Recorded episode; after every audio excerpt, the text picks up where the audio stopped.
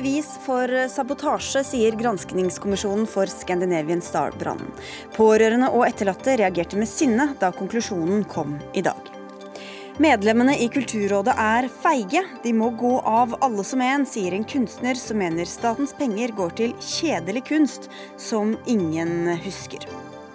I 2050 er det mer plast enn fisk i havet. Hvis vi fortsetter som nå, er plastforbud det eneste som kan hjelpe.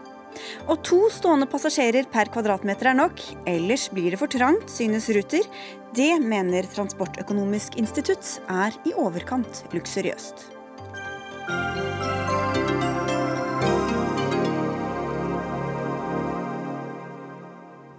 Vel møtt til Dagsnytt 18 på NRK P2 og NRK2 i studio Sigrid Solund. I dag kom rapporten fra Stortingets eh, granskningskommisjon for Scandinavian Star-brannen. Der får myndighetene kritikk for manglende oppfølging av de etterlatte og overlevende, men kommisjonen mener at det ikke finnes hold i påstandene om sabotasje eller forsikringssvindel. 159 mennesker, de fleste nordmenn, omkom i ulykka på bilferja natt til 7.4.1990. Scandinavian Star var på vei fra Oslo til Fredrikshavn da det begynte å brenne ved totida om natta.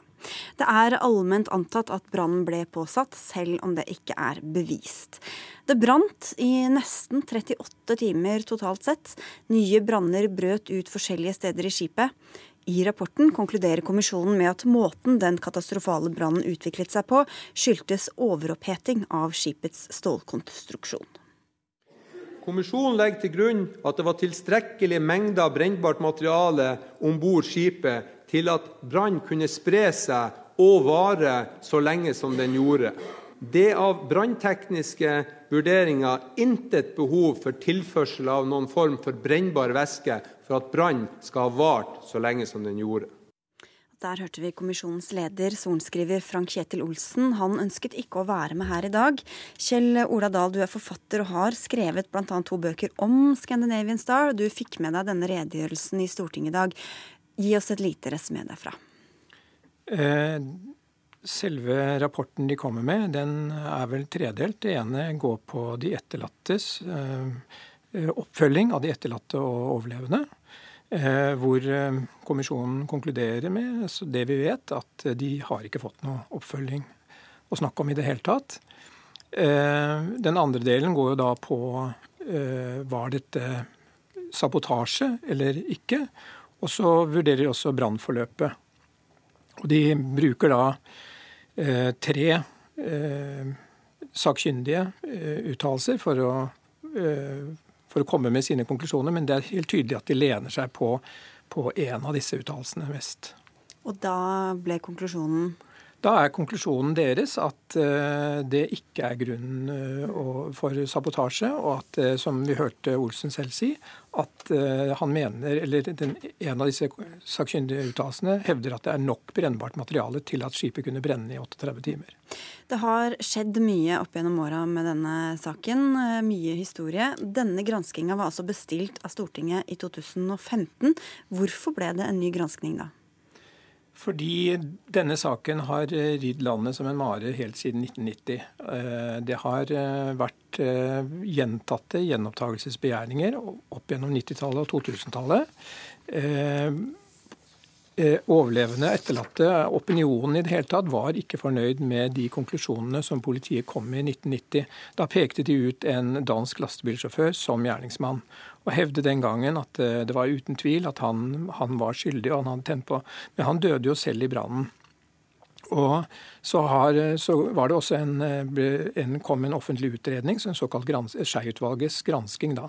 Eh, men det, i i den rapporten og i politiarbeidet så var det så mange ubesvarte spørsmål. F.eks. hvem redet skipet, hvem eide det, hvem fikk forsikringspengene. Alt dette var hemmeligholdt.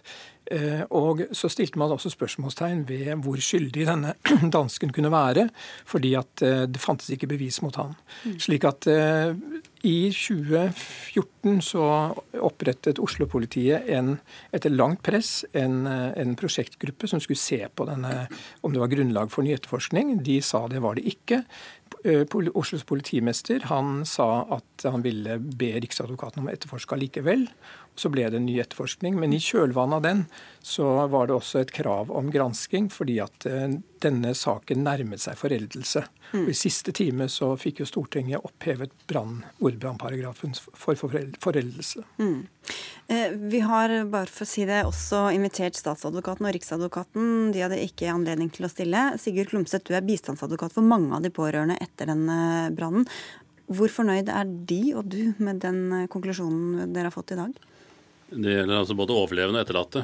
Jeg har snakket med mange i begge grupperinger i dag, og de er svært svært skuffet. Vi hadde jo forventninger til at en stortingsoppnevnt eh, granskingskommisjon skulle ta saken på alvor. Vi var i møte med Stortingets kontroll- og konstitusjonskomité i november 2014 eh, og oppfattet klart at de mente alvor. Det har de også gjort ved å følge opp. Men kommisjonen er eh, preget av et ønske om å komme til det samme resultat som Skei-kommisjonen gjorde i 1990-91.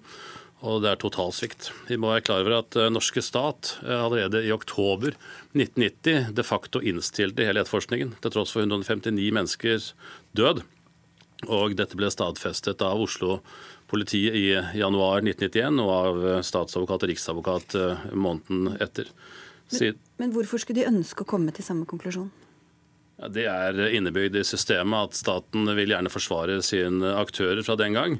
Min påstand er at eh, det var svikt den gangen. De så som at de utpekte den danske hjelpesjåføren. Det er jo en gedigen krenkelse av menneskehetserklæringens artikkel 2, altså uskyldspresumpsjon. Han var jo ikke i stand til å forsvare seg.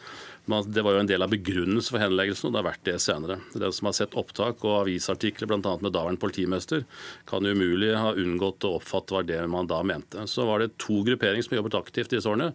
Det er en støttegruppe under ledelse av Jan Harsem, og så er det en stiftelse uh, som har vært uh, ledet av Arne Steen, som selv mistet uh, sønnen Gaute, 24 år med én person gjennom alle år, Terje Bergsvåg, som har kjempet for dette. Det som fremkom i dag, er faglig uriktig. De trekker veksler på noen av aktørene som støtter deres syn, og de bruker et konsulentfirma, Norconsult, som ikke ikke har noe kompetanse på det de nå har uttalt seg om. Vi må bare presisere at uh, ingen av dem er her, så det er Nei, greit. Det er sånn. Ja. Mm. Uh, men, men uh, Dahl, hvilke, hvilke, svar har vi nå egentlig fått, og hva er det vi fortsatt ikke vet? Som er sikkert, altså? Vi har ikke fått avklart hvem som tente på når, og vi har ikke fått avklart rederspørsmålet. Slik at eh, man står egentlig eh, der hvor man sto før kommisjonen kom med sin innstilling. Hva skjer videre nå da, Klumset? Nå har jo denne saken blitt henlagt av eh, politiet i Oslo i fjor og statsadvokat nylig. Vi klager nå til Riksadvokaten. Vi skal bruke alle de midler vi har internt i landet. Og så, hvis vi ikke når frem, så går vi til domstolen i Strasbourg. Fordi det er helt sikker på at det er en krenkelse artikkel 2, det er retten til liv. Og Stater er dømt for å ikke ha gjort tilstrekkelig arbeid eh, i den type saker tidligere, og det skal vi nå fram med. Så vil vi rette henvendelse til Stortinget, for vi har forstått at det er det nåværende storting som skal behandle kommisjonsrapport. Og vi vil eh, gi de innspill om fakta som viser at det som er fremkommet i dag, det er uriktig. Men du sier at staten vil beskytte seg selv, og det er jo noen av de samme aktørene. Men mange aktører er jo, er jo også nye. altså De som sitter i den, eh, som har laget den utredningen som er i dag, de er jo ikke ansatt av staten eller skulle, vil vel ha noe ønske om å ser den målsettingen de har hatt. Eh, de har bl.a. benyttet personer som åpenbart er inhabile. De brukte to pensjonerte politifolk fra Oslo, som vi har avdekket når de er ute for å snakke med folk, så har de gitt uttrykk for at politiet har allerede funnet den faktiske løsningen på så sentrale tema som dette hydraulikkløret og annet som eh, vi vet. Og eh, De kommer jo med oppsiktsvekkende nye opplysninger om at brannen skal ha forflyttet seg via varme i stålet. Det er uh, verdenssensasjon uh, faglig, og det er jo ikke dekning for overhodet. Det er også andre rapporter engasjert av den samme kommisjonen som utelukker det som brannårsak, men tvert imot har eh, seks til syv branner med oppstandelse i diesel osv. Det snakker man ikke høyt om. Her er det jo veldig mange teorier, Kjell Ola Dahl. Tror du vi noen gang kan få vite om hele hendelsesforløpet her? Det er et godt spørsmål. da er det men, ofte ikke noe godt svar. Nei, men altså, Det er helt klart at uh, denne kommisjonen har også sakkyndiguttalelser som, som, gir plausible forklaringer på det som har skjedd. Dessverre så har de lent seg på, på en rapport som tåkelegger. Men det blir vel sånn. altså Nå skal jo denne saken opp i Stortinget. og Og da ender den politisk. Det er synd. Og det er synd for de overlevende og etterlatte at, det blir, at ikke den blir oppklart. At det blir en politisk eh, sak ut av det isteden. Hva, slags, hva er det spesielt de pårørende og, og overlevende savner av svar? De savner oppriktighet og ærlighet i det arbeidet som skal gjøres. Sånn som at eh, når to danske sjøfartsinspektører, Flemming Thu Jensen, i dag de facto blir fremstilt som en løgner, og en annen helt sentral person, nemlig Knut Skårberg Eriksen, som var sjef for granskningen i Dansk sjøfartsstyrelse og medlem av norske Skei-utvalget, er tydelige på hva de så om dette hydraulikkrøret og annet, og lette etter hva er det som gjør at dette er blitt mulig med de brannene. De så etter bensinfat og annet. Pluss at det er jo en mengde gassflasker som man overhodet ikke drøfter. så men, ja. men, stoler du ikke på Vi hørte at politimesteren altså ba om en ny etterforskning til tross for at han ble rådet til å ikke ja, gjøre det? Det er de samme personene som har gjort den type etterforskning i Oslo politidistrikt som innstilt til politimesteren på at man ikke skulle gjøre det. Det var jo pinlig å være på pressekonferansen i fjor i august og høre på når de forteller om hva de har gjort og ikke gjort. Jeg har innhentet alle avhør. og Det er altså sentrale opplysninger som folk personer forklarer om i avhør, som ikke er med i utskriften. Sånn som Knut Skårberg Eriksen, som er tydelig på at han sa i 1990 til hvem hva som hadde funnet sted, og hvem som hadde måttet ha gjort det. Det utelater norsk politi når de skriver ut avhøret. Mm. Uh, og Så anmelder jeg det til Spesialenheten, og de har enda ikke ordnet det. Den som var leder for etterforskning, ansvarlig etterforskning, politiadvokat, etter å ha skrevet innstilling, ti dager senere så begynner hun selv i Spesialenheten. Dette er uh, pussig. Ja, vi får bare gjenta at vi har invitert mange som ikke har villet uh, komme her. Men nå er det altså politikerne dere setter deres lit til? Ja, og vi har tillit til at politikerne tar dette på alvor. De gjorde det med å nedsette gransking, og det er nok mange der som vil se nærmere på dette når vi kommer opp med de fakta som vi kan dokumentere.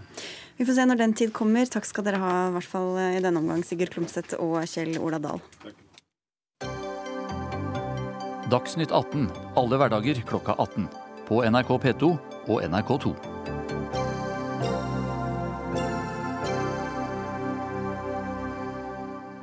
Kulturrådet gir penger til kjedelige og dekadente utstillinger, og ikke til kunst som folk faktisk husker.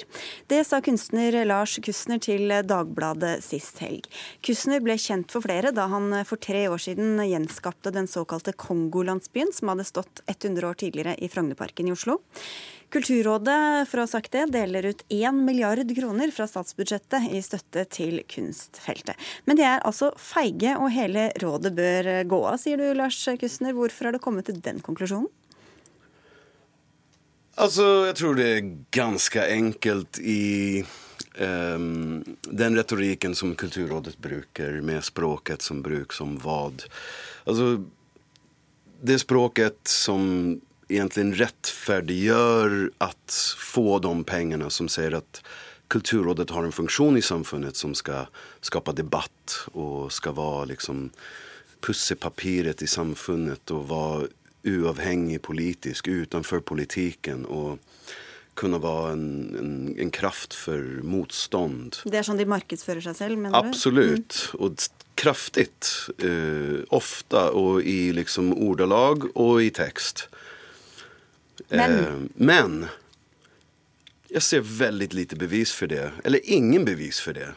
Og nå var jeg sittet der lenge og liksom trøtnade på det. Da. Ja, For du har sittet i Kulturrådet noe utvalg der selv? Seks år ja. satt jeg der. Ja. Og jeg var naiv. Jeg trodde på de her ordene. Var, men du prøvde da innenfra å, å ta modige av, avgjørelser, men fikk ikke med Nei, det er ikke avgjørelsene som er liksom viktig. Det der er en annen sak. Ja. I, de, I møtene så ser man at uh, folk som sitter i utvalg, er redd for at rådet da skal uh, de er redd for at rådet skal være redd at noe kommer tilbake mot dem og biter dem i ræva mm. og får kritikk. Så de er redde å gjøre ting som rådet kanskje må forsvare i media. Mm. Ja, Da får vi si velkommen til deg, da, Tone Hansen. Du er altså leder for Kulturrådet. Du er også direktør ved Henny Onsdag kunstsenter. Det stemmer. Er dere feige, trygghetssøkende, redde? Uh, nå uh, er jeg jo litt interessert i å forstå egentlig hva konflikten her egentlig handler om. Uh, for ja, jeg sitter på toppen av Norsk kulturråd, eller jeg sitter på toppen av fagutvalgene som, som distribuerer en stor pott med penger til ekstremt mange tiltak over hele Norge. og Eh, at det skal være en konflikt mellom utvalgene og utvalgsmedlemmene og selve rådet, det eh, er jo en ekstremt alvorlig anklage å komme med, eh, som er aller helst vil ha litt mer utdypet, kanskje fra et større felt, hvis jeg skulle i det hele tatt tro på det. Fordi utvalgslederne sitter jo i rådet selv. Og det er jo veldig sjeldent at rådet, når de kommer sammen, stanser avgjørelser som er tatt eh, av utvalgene. Vi aksepterer stort sett de tingene de har gjort. Noen ganger kan vi løfte opp avslag de har gjort. Vi går veldig sjelden inn og korrigerer for tildelinger som er gjort allerede. Så du kan jo snakke om en konsensuskultur kanskje som alltid oppstår i grupper når du ser på samfunnet generelt. Når vi kommer, setter en gruppe sammen som kommer fra samme fagfelt, så blir vi fort veldig ofte enige. Og vi undertrykker kanskje holdninger og meninger. Og vi er veldig gode på det i Norge, å være konsensussøkende. Men at det skal være en konflikt mellom selve utvalgene og selve rådet, som tross alt stort sett er det samme, bortsett fra meg, da, som ikke sitter i noen utvalg, det eh, tror jeg faktisk rett og slett ikke på. Men at det er dynamikker i gruppeutvalg som kan selvfølgelig utfordres på alle mulige områder i samfunnet, det eh, er jeg helt sikker på at vi kan se på. Men, men, at vi, men, at vi, skal gå, at rådet og rådet, altså rådet må jeg si igjen, består jo stort sett av utvalgsmedlemmer, eh, av de ledere av disse utvalgene, at de skal gå fordi at eh, Lars her er litt sinte på oss, det eh, blir litt tynt, altså. Hvem har da bestemt at uh, rådets, eller at utvalgens arbeid ikke kan kritiseres? Det går ikke å kritisere. Det fins ingen transparens. Man har bestemt at ok, det er en lengre diskusjon. Vi har bare åtte minutter eller noe sånt her. Men altså man holder administrasjonskostnadene så lave at liksom man må si at det arbeidet som skjer i utvalgene, kan ikke kritiseres. Og da sier man at kunstnerisk kjønn er grunnen til at det ikke kan diskuteres, kritiseres. Og derfor så sier du at det fins et, et avstand mellom rådet og utvalgene. Men rådet har bestemt at det skal ikke gå å kritisere det som beslut er beslutningene som tas i utvalgene? Det er nesten litt komisk, altså. Fordi vi har ikke bestemt at det ikke skal kunne kritiseres. Jeg skjønner ikke hva du snakker om engang. Du aner ikke hvor mye som diskuteres i selve rådsmøtene. Og stort sett er de til og med streamet ja, det, det offentlig. Og alle våre Offentlig? Ja, vi har jo streamet eh, massevis av våre møter. De er okay. offentlig tilgjengelige. Så vi er så transparente som det går an å være. Men, men, utvalgene, da. Men, men, utvalgene, ikke rådet. Okay, men hvis vi lar det interne ligge litt og ser på hva dere faktisk gir støtte til, for det er jo også det du kritiserer ikke bare, ikke bare, det interne. Eh, bare for å nevne det, ettersom sikkert mange har lest det. Du fikk jo ikke støtte fra Kulturrådet til den Kongo-landsbyen som jeg nevnte. Fem forsøk, kanskje. Ingenting. Even etter det var største diskusjonen som har skjedd i kunst i det her ja, landet. Det neste prosjektet ditt om å sende melk, en rørledning fra Tana til Russland og servere den der, har heller ikke fått støtte. Du søkte om 400 000 kroner. Hvor mye handler om dette, og hvor mye er den bredere kritikk av det du kommer med? Okej, okay, det handler veldig mye om det her, men det også beviser poenget. Altså, jeg kan ikke ta opp andre eksempel, for jeg har taushetsplikt for det jeg leser i mm. utvalgene. Det er det jeg mener. Det fins ingen... Det er liksom, men dette det er typisk, mener du, av den kunsten Det är mönstret, liksom. Det er derfor jeg gikk av, for det her mønsteret ser man. Men det her prosjektet, f.eks. exempel, Kulturrådet skal jo gå inn og finansiere ting som er redan støttet. De skal ikke gjøre hel helfinansiering. De skal gå og hjelpe hjälpa ting som er redan som, som liksom, du deler finansiering mellom flere ulike parter. Så hvis du går inn og søker helfinansiering, så er det vanskelig for Kulturrådet. Men om du har støtte fra andre, og du har et kunstprosjekt, så skal Kulturrådet ta sin ansvar. Spesielt når de oppfyller alle de her rollene. Og den der oljepipeline, mm. der hadde vi eh, Statoil, som nå trykket seg etter kritikken, som gir oss riktige rør.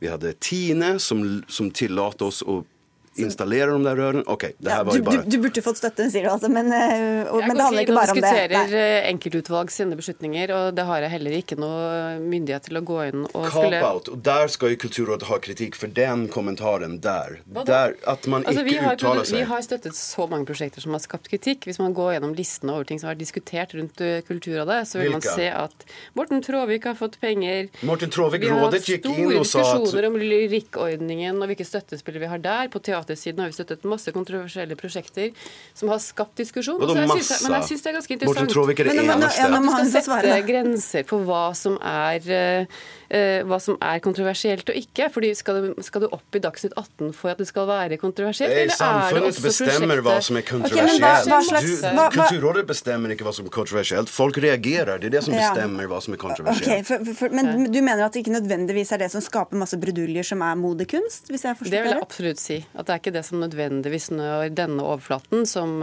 som er det mest kontroversielle nødvendigvis.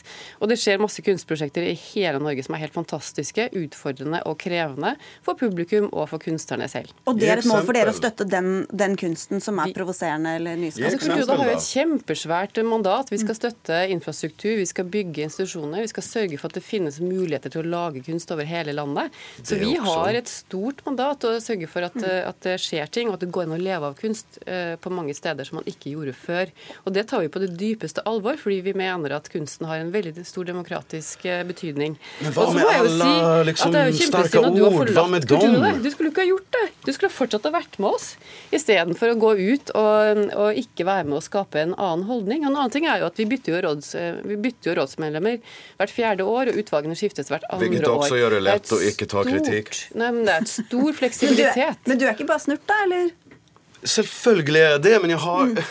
det fins en grunn til at jeg er det. Mm. For at Kulturrådet kan ikke vise at de gjør alle Ok, det er fint å satse på infrastruktur og på allting annet som gjøres, men det som Kulturrådet presenterer seg selv som, det som de brander seg selv som, er akkurat det Kulturrådet ikke gjør. Og det er å, det, å være motstandskraften og være det som skaper noe som faktisk er ubehag. For når vi snakker om de, de her fine ordene som Kulturrådet bruker hele tiden om å faktisk være en del av forandringen i samfunnet Forandring skjer ikke når folk koser seg. Forandring skjer ikke når folk har det hyggelig. Forandring skjer når folk har det ganske de får føle på ting som føles dårlig. Det er da folk liksom går inn i en forandringsprosess. Og det her vet jo Kulturrådet, det er derfor de bruker orden, men de skjønner ikke hvordan de skal ta det i praksis. De tar ikke konsekvensene. Og det er jo altså snakk om en milliard skattekroner, som, som når det da går til prosjekter 1,4. Men hvor mye, mye kultur, kulturfond dette? Jeg, jeg skal bare høre med deg, Tone Hansen. Mm -hmm. fordi hvor, hvor uh, mye handler da om at dere ikke ønsker å støte folk, og dermed få disse uh, diskusjonene om er det dette skattepengene går til, et eller annet som Vi ikke har jo hatt gjennom Kulturrådets historie eh, siden i 50 år hatt diskusjoner om skal virkelig skattepengene våre gå til dette. Det har vært mantra hver gang Kulturrådet kommer ja, på, hvordan, på, radio. Og Hvordan preger det deres og det avgjørelser? Det preger ikke oss nevneverdig i våre beslutninger. Det gjør det ikke. Men mandatet til Kulturrådet er stort. Vi skal sørge for infrastruktur, for midler til institusjoner slik at de kan overleve. Og, skal, og det er de som også vi skal sørge for kan være modige. Og vi skal sørge for at kunsten skal kunne være modig. Når? Og det er det viktigste vi kan gjøre. For vi kan ikke ta over ansvaret for hva kunstneren skal gjøre. Det må kunstneren selv gjøre. Det der er pisspreik. Og det der er jo det er fint at du sier det. Jeg liker orden. Og det var der jeg var naiv. Jeg trodde på de der jævla orden. Men det, det skjer aldri. Du kan ikke bruke Morten Tråvik som et eksempel.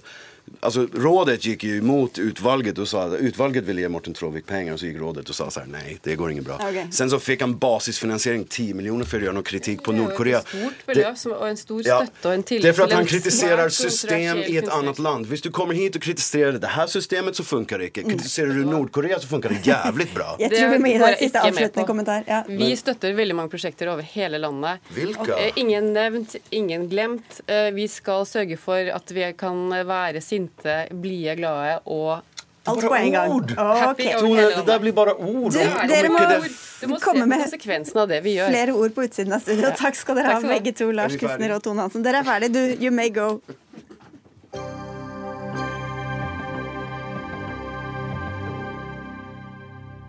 En afghansk familie som grytidlig en søndagsmorgen ble henta av politiet i Lillesand og fraktet til utlendingsinternatet på Trandum, er tilkjent erstatning.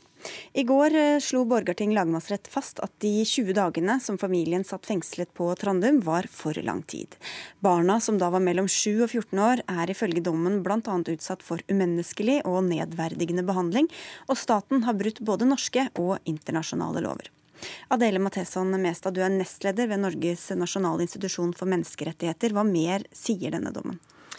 Nei, altså Det som er viktig å si om denne dommen, er at det er jo første gang at det er slått fast at staten har krenket dette såkalte forbudet mot umenneskelig og nedverdigende behandling av barn. Og det er jo kanskje det mest alvorlige beskjeden som en stat kan få fra en norsk eh, domstol. Og denne saken den reflekterer jo det grunnleggende utlendingsrettslige dilemmaet, hvor man ser på på den ene siden statens åpenbare og legitime behov for å returnere personer som ikke har grunnlag for opphold i Norge. Det er jo en nødvendig forutsetning for at personer som har et behov for vern, skal få det vernet de trenger i Norge. Men på den annen siden så vil jo denne typen tvangsreturer eh, åpne en god del problemstillinger, særlig når det involverer barn, som jo helt uforvarende har ofte havnet i den situasjonen. De er jo et produkt av foreldrenes valg. Og det eh, lagmannsretten her sier, altså dommen bygger vel på to grunnleggende premisser. Det ene er måten man tilnærmer seg uh, spørsmålet om når man kan fengsle barnefamilier på. Fordi det er et vilkår etter både norske og internasjonale regler at man bare kan gjøre det når det er tvingende nødvendig. Det er altså et veldig strengt vilkår som må være oppfylt for at man skal kunne fengsle barn. Og Så langt så har domstolen rundt omkring i stor grad lagt til grunn en tilnærming hvor de først ser på unndragelsesfaren til foreldrene. Altså Man sier ok, vi er redde for at disse foreldrene vil unndra seg at de skal rømme. At de skal rømme. Og så har man konkludert med at de må fengsles. Og så har man stilt spørsmålet hva gjør vi da med barna? Jo, da er det til barnets beste å bli fengslet med foreldrene. Og det syns ikke lagmannsretten er helt greit. Da sier de ja, tja. Eh, vi må vel kanskje se på dette mer helhetlig. Om det er til barnets beste at foreldrene blir eh, fengslet. Og dermed også da på en mye bedre måte vurdere alternativer. I dette tilfellet så sier vel lagmannsretten at man kunne godt tenke seg at det var greit å internere dem i ett døgn, men at 18 eh, dager eller 20 dager da blir for lenge. Da måtte man heller vurdert å sende dem tilbake til mottaket hvor de bodde, og at unndragelsesfaren totalt sett ikke ville være så stor at den begrunnet et så alvorlig inngrep overfor disse barna, som er fengsling i 20 dager.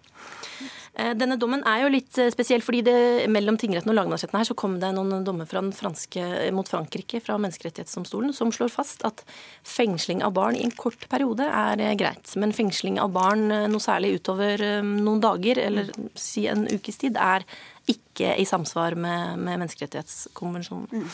Dette er jo veldig alvorlig for, for, staten. Vi må bare si også i, dette, i denne saken at dette er ikke en rettskraftig dom ennå, så vi har fått mange nei når vi har ringt rundt i dag. Mm. Justisdepartementet ville ikke komme og snakke om den av den grunn. Vi har også invitert regjeringsadvokaten som førte saken på vegne av staten, Politiets utlendingsenhet. De ønsket ikke å komme, og heller ingen fra Stortinget. Um, Trandum har jo altså flere navn, litt avhengig av hvem du spør. Eh, er det et fengsel, eller er det et utlendingsinternat? Hva sier du? Altså jeg tror den eh, hva skal man si, språklige uenigheten har ganske liten praktisk betydning. For barna som kommer dit, så opplever de åpenbart at dette er et fengsel. Altså de, disse barna på dette tidspunktet ble bl.a. låst inne på natten, og det er noe lagmannsretten også da legger vekt på, at de opplever seg selv som fengslet. Eh, dette kan jo sikkert mm. nå oss forklare litt nærmere om, men, men jeg tror det er ganske nærliggende å si at dette er et, et, et fengsel. Ja, vi kan høre, Barn skal jo ikke sitte i fengsel. Eh, Siri Berglund, du er rådgiver i eh, NOAS, altså Norsk organisasjon for asylsøkere. Og du har intervjua tolv barn som har sittet internert på Trandum. Hva er det de forteller? Altså, Vi har da snakket med tolv barn i alderen 5 eh, 19 år som ble forsøkt eller faktisk tvangsreturnert i 2014 og 2015. Og de var da internert i opptil 24 timer, med unntak av én familie. Og det som er interessant med den lagmannsrettsdommen, er jo at, eh, er at, dette er faktisk noe vi har eh, omtalt eh, i NOAS-rapporten Frihet først allerede i 2015. Og her ser vi at den argumentasjonen vi hadde i den rapporten, er noe som lagmannsretten legger til grunn på, på to punkter. Så det er vi jo fornøyd med at, at lagmannsretten er enig med oss på. Men hvordan lever disse barna på Trandum? Um, altså For det første så må man ikke bare se på Trandum. Man må se på eh, at eh, skaden starter allerede ved pågripelsesøyeblikket. Altså Disse familiene fortalte at flesteparten ble eh, pågrepet før klokken fem om natten. Og, og politiet tok seg inn eh, uten å, å, banke på. De bare tok seg inn med nøkkel. Eh, og, og det som skjer da, er at disse barna får et veldig sjokk. En jente sammenlignet politiet med tyver og sa at når du tror at det er tyver inne i huset ditt, og så går du for å se hvem det er, og så er det selveste politiet som er der. Det sier noe om, om, om hvordan barna opplever den situasjonen her. Eh, så for oss virket det unødvendig at det ble pågrepet da. Eh, men når det kommer til selve Trandum, så beskriver de det stedet som et fengsel. Med høye gjerder, med piggtråd, låste jerndører. Ikke bare inn til cellen, men det er på dør etter dør etter dør eh, som de må åpne opp. Og De viser også dette gjerdet med piggtråd, som er der for å skade dem som prøver å rømme. Så de forstår jo helt klart at de er frarøvet friheten sin, og de hadde vanskeligheter med å forstå hvorfor de var på et slikt sted. Sted som er for kriminelle. Fengsler er jo for kriminelle, ikke for barn. Og i utgangspunktet så eh, fengsler jo ikke Norge barn under 15 år. Det er jo den kunnskapen de satt med. Så derfor var de jo også veldig sjokkerte. Eh, og de slet med å sove, blant annet. Og en jente fortalte hvis noen har gjort noe galt, de stjeler eller dreper noen, så bruker man jo fengsel. Hva har jeg gjort? Jeg er jo bare i Norge, jeg har jo ikke gjort noen ting. Hva er det jeg har gjort galt? Men her var det meste som du var inne på, det er ulike hensyn som står uh, mot hverandre. Hva, hva, kunne politiet gjort uh, i stedet for? Altså, fordi Vi ønsker jo ikke at disse menneskene skal rømme heller. De er jo i Norge uten at de skal være det. Nei, Det er jo et veldig godt spørsmål som flere har tatt til orde for at man burde utrede nærmere. Det er jo fremmet også noen politiske forslag nå vel om at man skal utrede nærmere alternativer til fengsling. Men jeg tror også at eh, det domstolen sier at fengsling er ikke utelukket menneskerettslig. Poenget er bare at man kan ikke gjøre det over noe særlig lengre eh, tid. Men her var det jo... familiens egen feil at de ble sittende så lenge fordi den eldste sønnen hadde rømt, hvis jeg har forstått det? Er altså helt riktig. Mm. Altså, han hadde unndratt seg utsendelse, og familien eh, samarbeidet heller ikke om, om retur. Og det setter jo utlendingsmyndighetene i en vanskelig situasjon. Og så tror jeg det er viktig å si at det er jo ingen stater eller ingen ansatte i staten som ønsker å fengsle barn. Det er jo en vurdering ut fra at de tenker at det er nødvendig for å gjennomføre politiske vedtak om, eller eh, Utlendingsnemndas vedtak om, eh, om, at personer som ikke har behov for vern, ikke skal få bli. Men jeg tror likevel at eh, man kan se litt nærmere på hvordan dette kan gjøres på en enda mer barneskånsom måte. Og nå har jo også regjeringen fremmet et forslag hvor de langt på vei imøtekommer mye av den kritikken som er fremmet i lagmannsrettens dom. Det er særlig tre, tre, ting som er viktig å nevne der. Det ene er at man legger opp til en mye mer konkret vurdering av hva som er barnets beste. At man spesifiserer at barnet skal stå sentralt i de vurderingene. Og det andre som er viktig, er at det oppstilles noen tidsgrenser. Det har jo vært det rådende diskusjonstema i norsk sammenheng. Hvor lenge kan barn sitte? Og det legger man nå opp til at det skal være noen ikke absolutte, men i hvert fall klarere tidsgrenser for hvor lenge barna kan sitte på den måten. Og det tredje, og kanskje viktigste, er at det foreslås å etablere et eh, et særlig senter for eh, internering av barnefamilier med et mye mer sivilt preg, som forhåpentligvis da skal bygges i løpet av 2017, er vel forslaget. Og Det er egentlig vår anliggende her, at det haster og det bør komme på plass eh, så fort som mulig. fordi det vil jo løse en god del av de dilemmaene som dette feltet reiser. Litt sånn kjapt på slutten her, Berglund. Det er jo, disse barna skal jo komme fra og, og drar tilbake til ganske kritisk eh, ettersom de har eh, flyktet i utgangspunktet, selv om det da blir, blir sendt tilbake tilbake ved at det ikke er regnet som så kritisk, eh, så, så, så drar det jo til ganske dårlige tilstander. Hvor, hvor ille er på en måte den interneringa sammenlignet med det livet de drar tilbake til? Hvor skadelig er det for dem å sitte i fengselet? Jeg vil si at det er helheten i dette her. Altså dette, de barna jeg intervjuet, er jo barn som har vært i Norge mer enn tre år. Så de har allerede en sterk tilknytning til Norge. Og på en annen side så, så, er det jo dette land de har flyktet fra. Så Det blir feil å si hva, hva, som er verst, eh, men det er ingen tvil om at eh, den interneringen er skadelig for disse barna. Men det er viktig at vi ser på helheten, altså prosessen fra A til Å, fra pågripelsesøyeblikket til de er framme i hjemlandet. Men også kanskje se nærmere på hvilken eh, oppfølging man også gir tvangsreturnerte barnefamilier. I dag er det jo assistert retur som gir absolutt størst støtte, og vi mener jo at også i de tilfellene hvor hvor politiet kan tvangsreturnere barnefamilier, så bør politiet vurdere om man kan tilby assistert retur, selv om man i utgangspunktet er klare til å tvangsreturnere dem. Og helt kort til slutt, Mesta. Er jo, den er ikke rettskraftig ennå, som vi nevnte. Men, eh, men, dersom det blir stående, blir det da, må vi gjøre mye på systemet? Du var inne på noen alternativer. Nei, dette med tidsgrenser er jo veldig viktig. Men den aller beste måten å ivareta menneskerettighetene til barnet på, er jo å unngå at de havner på et sånt sted som Trondheim i utgangspunktet. Det må jo være helt klart. Da får vi se om den blir anka eller ikke. Takk skal dere ha begge to. Adele Matheson Mestad fra Norges nasjonalinstitutt for institusjon for menneskerettigheter og Siril Berglund fra NOAS. Hvis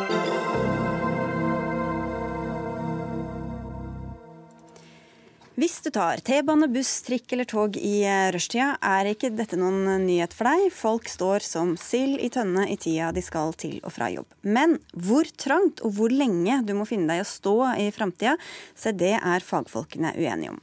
Transportøkonomisk institutt eh, mener at eh, de som har utredet framtidas kollektivtransport i Oslo, har altfor ambisiøse og luksuriøse mål for hvordan eh, vi skal reise.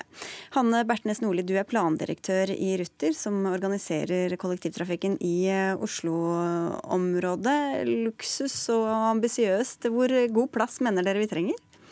Nei, Vi er først og fremst opptatt av at kollektivtrafikken skal være attraktiv. Eh, og når vi har gjort dette, som er en stor analyse av hva vi trenger av kapasitet for kollektivtrafikken i fremtiden, så er jo dette en beregningsforutsetning, først og fremst. Og da legger vi jo til grunn de, de erfaringene vi har i dag, fra hva folk aksepterer i dag. Og det betyr jo ikke at ikke man må akseptere å stå trangere i fremtiden. Byen vokser. Men vi er jo nødt til å gjøre det så attraktivt at folk velger å reise med kollektivtrafikk fremfor å bruke bilen sin. For det vil i hvert fall koste samfunnet mye. Og i de beregningene da, som ligger til grunn for hvor mye vi må bygge ut denne kollektivtrafikken, hvor trangt mener dere at vi må vi har lagt til grunn I den analysen så har vi lagt til grunn to personer per kvadratmeter. Jeg vet ikke om det sier folk så veldig mye. Det er, eh, det er egentlig på grensen av hva kundene våre aksepterer i dag. Så når man ser eh, f.eks. et sånt bilde som lå på nyhets, eh, nyhetssiden til NRK tidligere i dag, så viser det et bilde som tilsynelatende er veldig trangt, og der er det kanskje én person per kvadratmeter. Sånn at det er, det er ikke luksuriøst, vil jeg si. Jørgen Aarhaug, du er forsker ved Transportøkonomisk institutt, og i en kvalitetssikring av eh, disse kollektivplanene for Oslo-området har altså bl.a. dere kommet fram til at det er luksuriøst med to mennesker på én kvadratmeter. Hvorfor det? Ja, nå har ikke jeg vært med å skrive den kvalitetssikringa, men som på generelt grunnlag så det, regner man ofte at kapasiteten, makskapasiteten er på enda at man står enda tettere enn to per kvadratmeter. To per kvadratmeter er ikke veldig høyt hvis man sammenligner hva man finner internasjonalt. Eller hvis du sammenligner med hva man har på Holmenkollsøndagen og tilsvarende. Da er det type opp mot fem. Mm. Så det er litt sånn små nyanser i hva som er uh, utfordringen. Så, så, vi risikerer å bygge ut mer enn det vi egentlig hadde trengt? Er det det som er, kan være konsekvensen? Ja, altså, Legger man for strenge krav på hva som skal være tilbudet, så blir, bygger man ut mer og bruker man mer penger enn det man egentlig trenger for å nå det samme målet. For Vi har jo sett bilder fra f.eks. Tokyo hvor folk stuer seg sammen. Hvorfor trenger vi så mye mer plass enn de gjør? Nei, Det har jo litt med kultur å gjøre, selvfølgelig. Og folk må jo helt sikkert venne seg til å både bo trangere og reise trangere i Oslo i fremtiden. Men vi er jo nødt til å gjøre dette her gradvis, sånn at folk faktisk velger å reise med oss. Og så har jeg lyst til å si det at eh, i Oslo og Akershus har vi hatt en helt fantastisk utvikling i kollektivtrafikken de siste åtte til ti årene. Eh, vi blir invitert ut i, på verdenskonferanse for å fortelle hva Oslo og Akershus har fått til. Og det har mye med politikken å gjøre, mye med bom bompengene å gjøre. Men det har jo også å gjøre med at vi har faktisk klart å lage et tilbud som gjør at folk velger å sette fra seg bilen. Mm. Og da kan du si det er luksuriøst, men for samfunnet så vil det koste veldig mye mer hvis alle disse skulle kjøre bil. Så uh, hvem er det egentlig som ønsker å ta T-banen hvis alle intimsfærer blir fullstendig invadert? Nei, altså, da må vi jo ta T-banen på de tidene av døgnet hvor det faktisk er ledig kapasitet. For Det er jo snakk om noen få avganger hver dag hvor du når høyere Eh, tetthet enn type 2 per kvadratmeter. Og det er fryktelig dyrt å bygge ut kapasiteten på de to, tre, fire avgangene som det er høyest etterspørsel på, sammenligna med det å ta i bruk den kapasiteten som er på resten av døgnet. Mm. For altså, En normal T-banevogn frakter veldig mye tom plass. Mm, ja, hvorfor skal vi da skalere etter eh, hvordan det er i dag, i stedet for å se på mer fleksible ordninger som kanskje kan komme i framtida? Det kan det helt sikkert, og det vil komme mer fleksible ordninger i fremtiden. Men det med rushtidsreising og det at folk velger å reise til og fra jobb på ulike tider av døgnet, det tror jeg nok kommer til å fortsette, fortsette også fremover, selv om vi kan få til litt spredning av rushtiden. Eh, så de tunge transportstrømmene de er vi nok nødt til å ta med f.eks. T-bane og tog.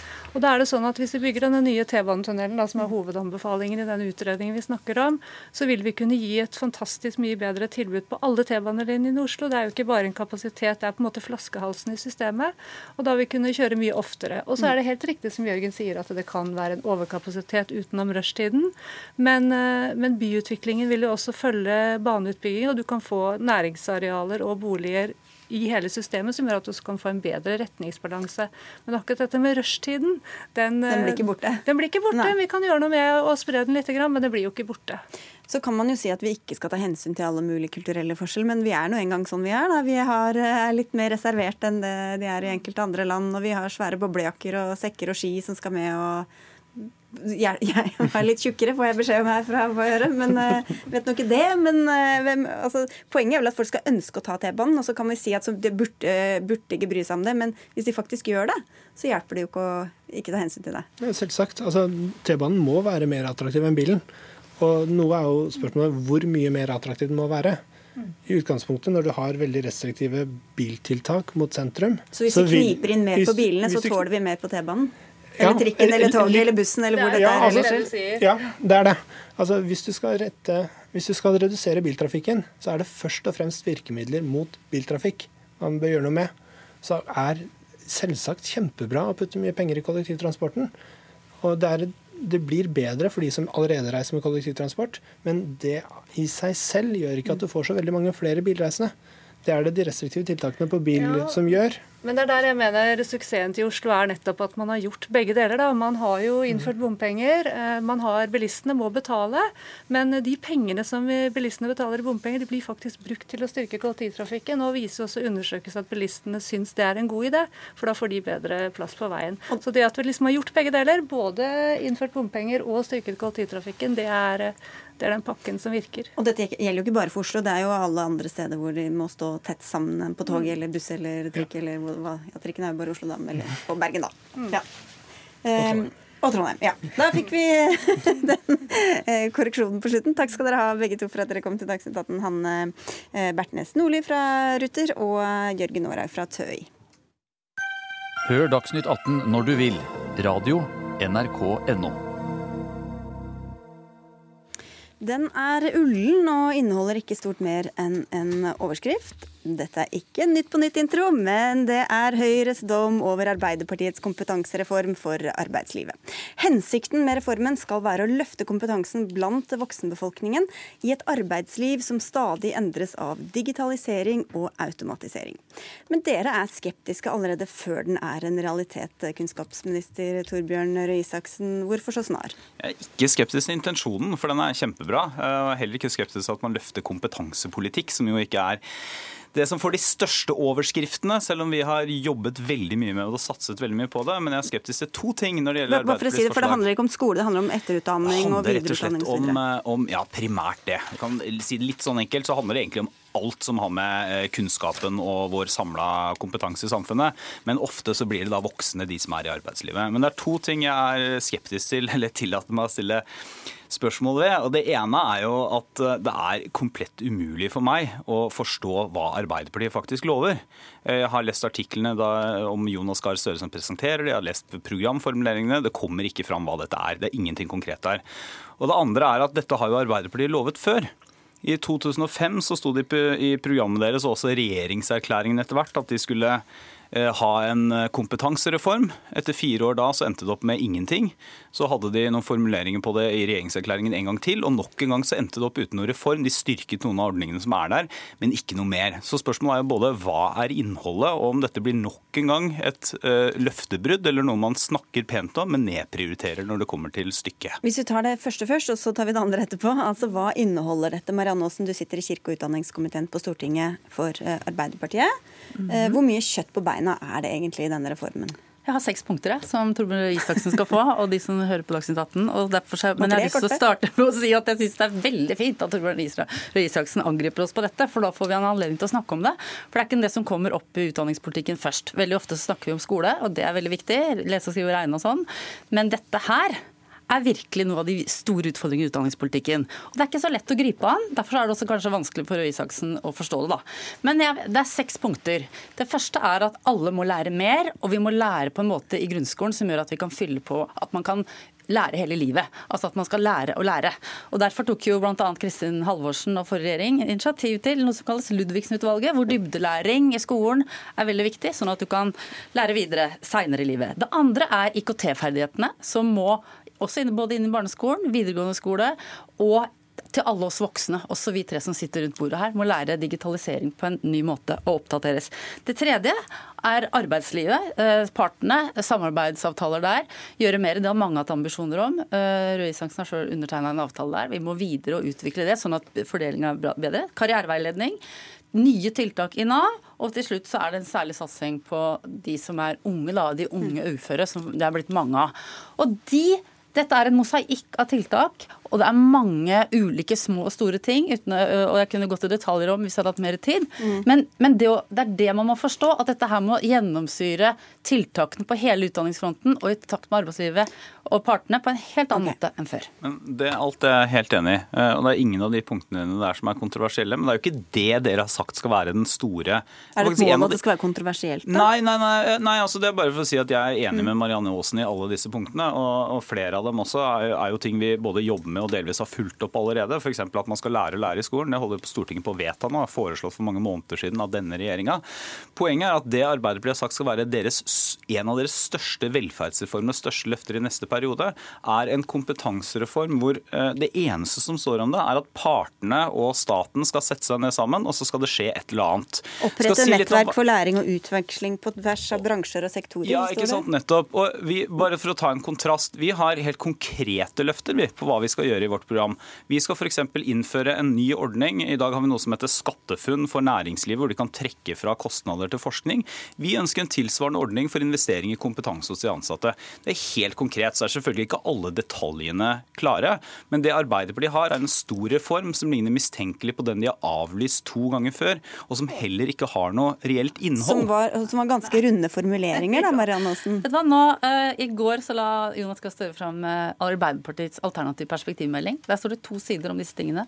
Og det var noe av det jeg leste opp fra uh, nå nettopp. Jo, Men å utvikle ting og ha ja. nettverk og sånn, hvor konkret er det egentlig? Ja, Det som er konkret, da, for å gå til detaljer Det er ikke altså, seks nye punkter nå, håper jeg? Nei, men eksempel, ja det skulle jeg jo gjerne sagt. For det, det, du må jo bli konkret. Et konkret forslag er jo f.eks. at i dag så går det ikke an å ta lån fra Lånekassa hvis, du, hvis du er student under 50% Hvorfor det? Hvorfor kan vi ikke bruke Lånekassa til å utvikle, eller til å gi støtte til folk som vil ta etter- og videreutdanning, mindre enn 50% Det er veldig konkret. ikke sant? Eh, et annet konkret tiltak er jo at Nav har andre virkemidler enn det de har nå for, uh, for å tette det gapet, kompetansegapet som er det store problemet i Norge og i an, all, nesten alle andre vestlige land. Nemlig at du har etterspørsel etter noen type yrkesgrupper som det er altfor få av. Og så har du for mange som sitter med kompetanse som ikke er bruk for. Mm -hmm. Og da nytter det ikke bare å satse på barne- og ungdomsskolen og videregående fagbrev uh, og fagskoler, som vi også må gjøre, men da er du nødt til å satse på å fylle på der. Og da kan vi ikke bare gjøre litt sånn som på folkemunne kalles å tilby trøkk gjennomførekurs på Nav. Nei, da er du nødt til å kunne bruke universiteter, høyskoler, fagskoler. og Alt dette er en del av denne reformen. Helt enig. Helt enig. Eh, men bare for å si to ting. For det første så er det sånn at Da jeg ble statsråd, så så var det nesten så jeg følte jeg måtte blåse eh, støvet av kompetansepolitikken. Og Det var ikke fordi det var støvete folk som satt i departementet, det var fordi det hadde skjedd nesten ingenting i løpet av de åtte rød-grønne åra. I løpet av denne perioden så har vi løfta hele dette politikkområdet. Et av de viktigste virkemidlene som heter basiskompetanse i arbeidslivet. Altså Vi gir penger for at du skal kunne trene folk og gi dem kunnskap og kompetanse på arbeidsplassen. Vi har økt den finansieringa fra 80 millioner til over 160 millioner. Ligger 20 nye millioner nye forslagene fra Arbeiderpartiet? Jo, dette, og så var det da punkt nummer to. Og så, kommer, så har da Arbeiderpartiet og Støre varslet en stor velferdsreform. Som eh, de sier at skal bli en av de største reformene i neste periode. Eh, og Det er jo ikke da at, eh, det skal være, at man skal ha eh, IKT inn i skolen. Det det høres ut som Arbeiderpartiet ønsker, er jo at man skal ha det som er veldig viktig, nemlig at arbeidslivet skal ha større muligheter til å investere i kompetanse, investere i kunnskap. Og det er der jeg sier at Vi har et konkret forslag for det. Vi har faktisk flere forslag i vårt program. Arbeiderpartiet har da, nå har du nevnt mange ganske små tiltak.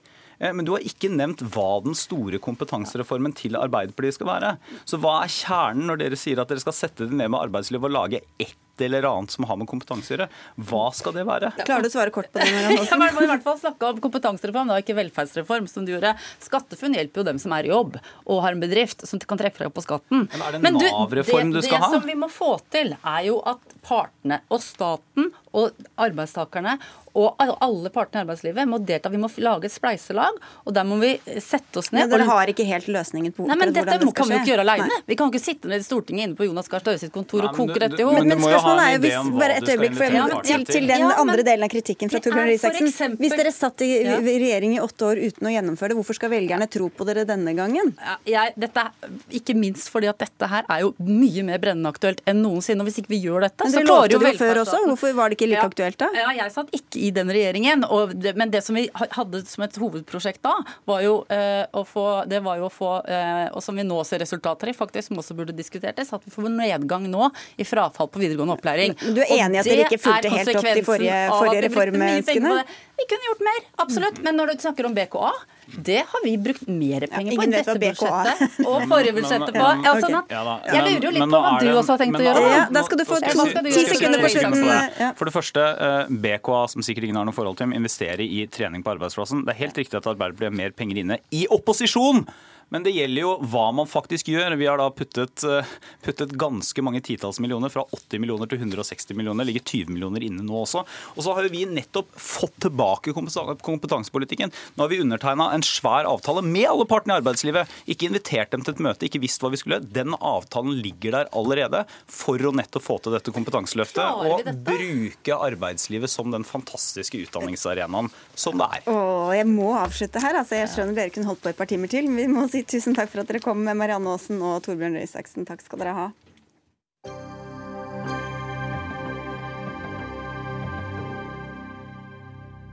Land etter land har gjort det, men i Norge kvier vi oss for å forby plastposer og plastbestikk, blant annet. Hvert minutt havner 15 tonn med plast i havet. Det havner gjerne i magesekkene til fugl og fisk, og gir en kystlinje full av søppel.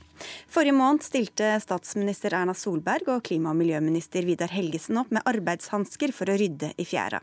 Men det holder ikke å rydde, vi må forhindre plasten i å havne i havet i utgangspunktet, sier dere i Naturvernforbundet, der du er leder, Silje Lund Sundberg. Hvilke tiltak vil dere ha? Det som vi ønsker, det er en klarere strategi som gjør at vi faktisk reduserer plastforbruket. Fordi det som vi ser i verden i dag, det er at plastforbruket det øker noe helt eh, vanvittig i takt med den forbruksveksten som vi ser.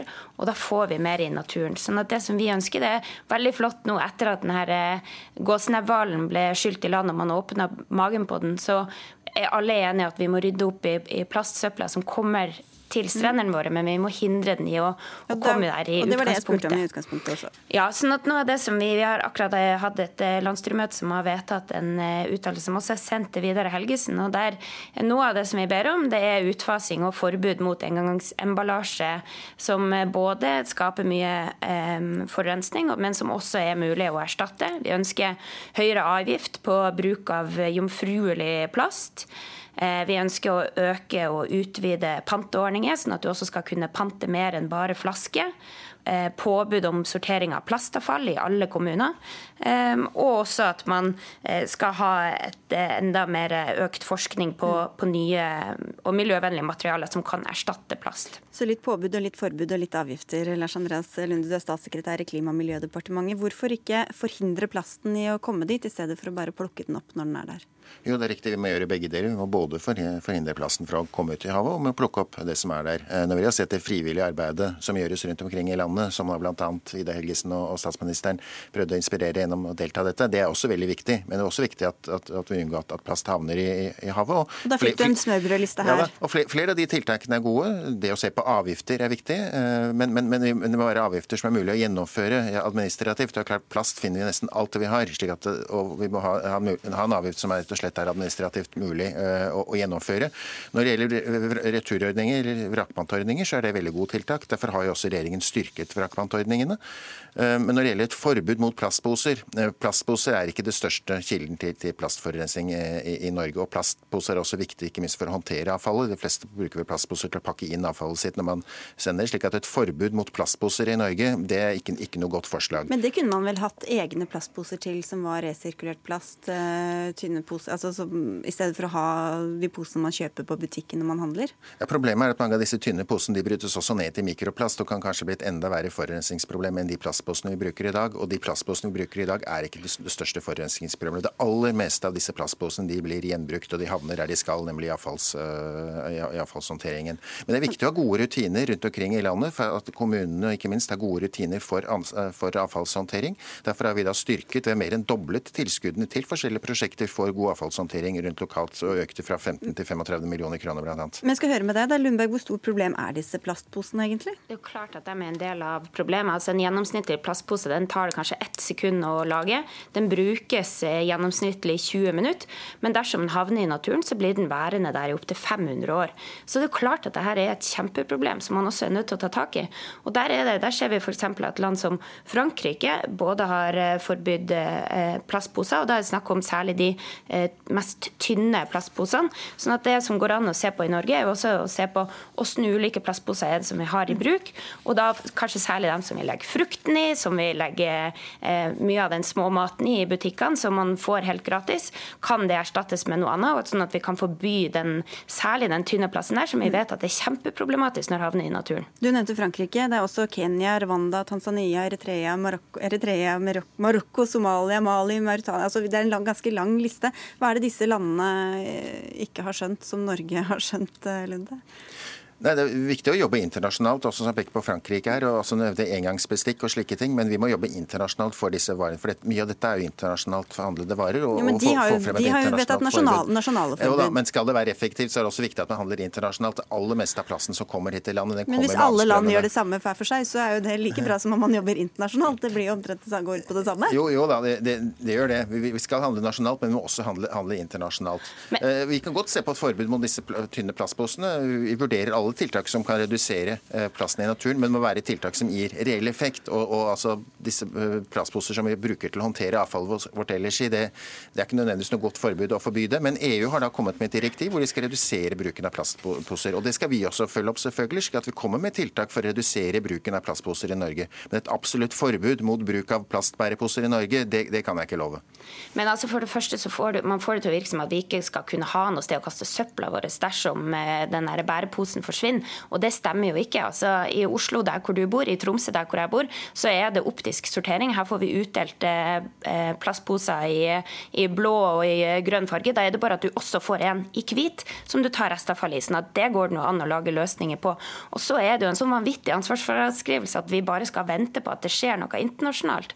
For det er jo klart at det også funker at eh, land går foran og gjør noe. Fordi nå ser vi en veldig Det her miljøproblemet har vi aldri for, eh, forstått, tror jeg, hvor stort det har blitt. men den enorme plastbruken som du har i verden. Og da når vi fortsatt er med på den, sånn at det som vi håper regjeringa kommer med, er jo en strategi for å redusere plastforbruket. For det er kjempeflott å rydde opp, og det gjør vi og våre frivillige over hele landet med strandryddeaksjoner. Men vi må sørge for at den plasten ikke havner der i utgangspunktet. Og det, det, er klart at Norge også kan bidra i det. Hvorfor skal vi vente på EU i stedet for å forby i hvert fall disse små posene som ikke har noe langt liv, men som bare havner i søpla eller på, på veien eller i naturen? Jo, da, det kan godt gjøre. Vi, kommer med, vi har masse tiltak vi gjør, vi gjør, i Norge også. Vi, akkurat, eh, vi kommer til å presentere en ordning for å håndtere kasserte fritidsbåter bl.a., eh, som vil komme i løpet, av, eh, i løpet av sommeren.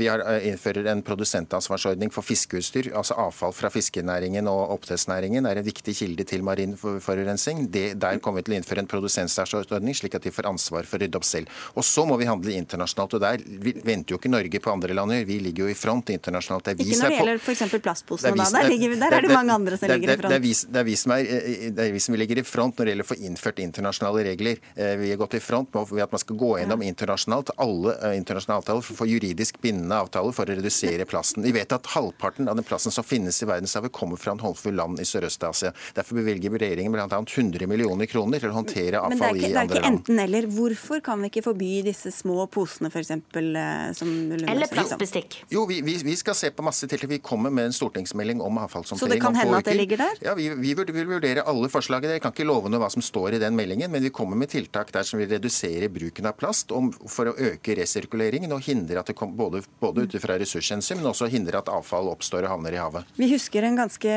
lang debatt om plastposeavgift. Er det blitt så politisk betent at det er litt sånn, vil liksom ikke helt gå inn i den uh, saken der igjen, eller? Nei, vi vil vurdere nå, Det som er fint, er at nå har jo dagligvarebransjen selv gått i front og, og fremmet forslag om en plastposeavgift, som da skal bl.a. kunne brukes til plastfond. og Det er et veldig interessant forslag som vi kommer til å gå inn i og se, se på på nytt. Men da mister jo staten de inntektene som dere kunne fått, da? Det kunne, kunne gå til opprydding. Det viktigste for oss er at de pengene faktisk blir brukt til å rydde opp søppel. Og, og hvis vi kan redusere forurensningsproblemene med en sånn avgift, så er ingenting bedre enn det.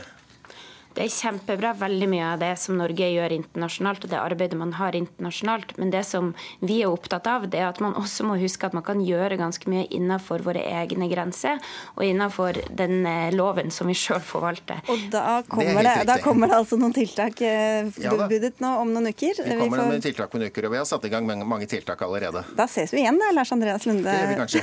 takk skal du ha for at du kom, og takk til deg, Silje Lundberg fra Naturvernforbundet. Dagsnytt 18 er over for i dag. Dag Dørum, Lisbeth Sellreite og jeg, Sigrid Solund, takker for oss og ønsker en god kveld videre.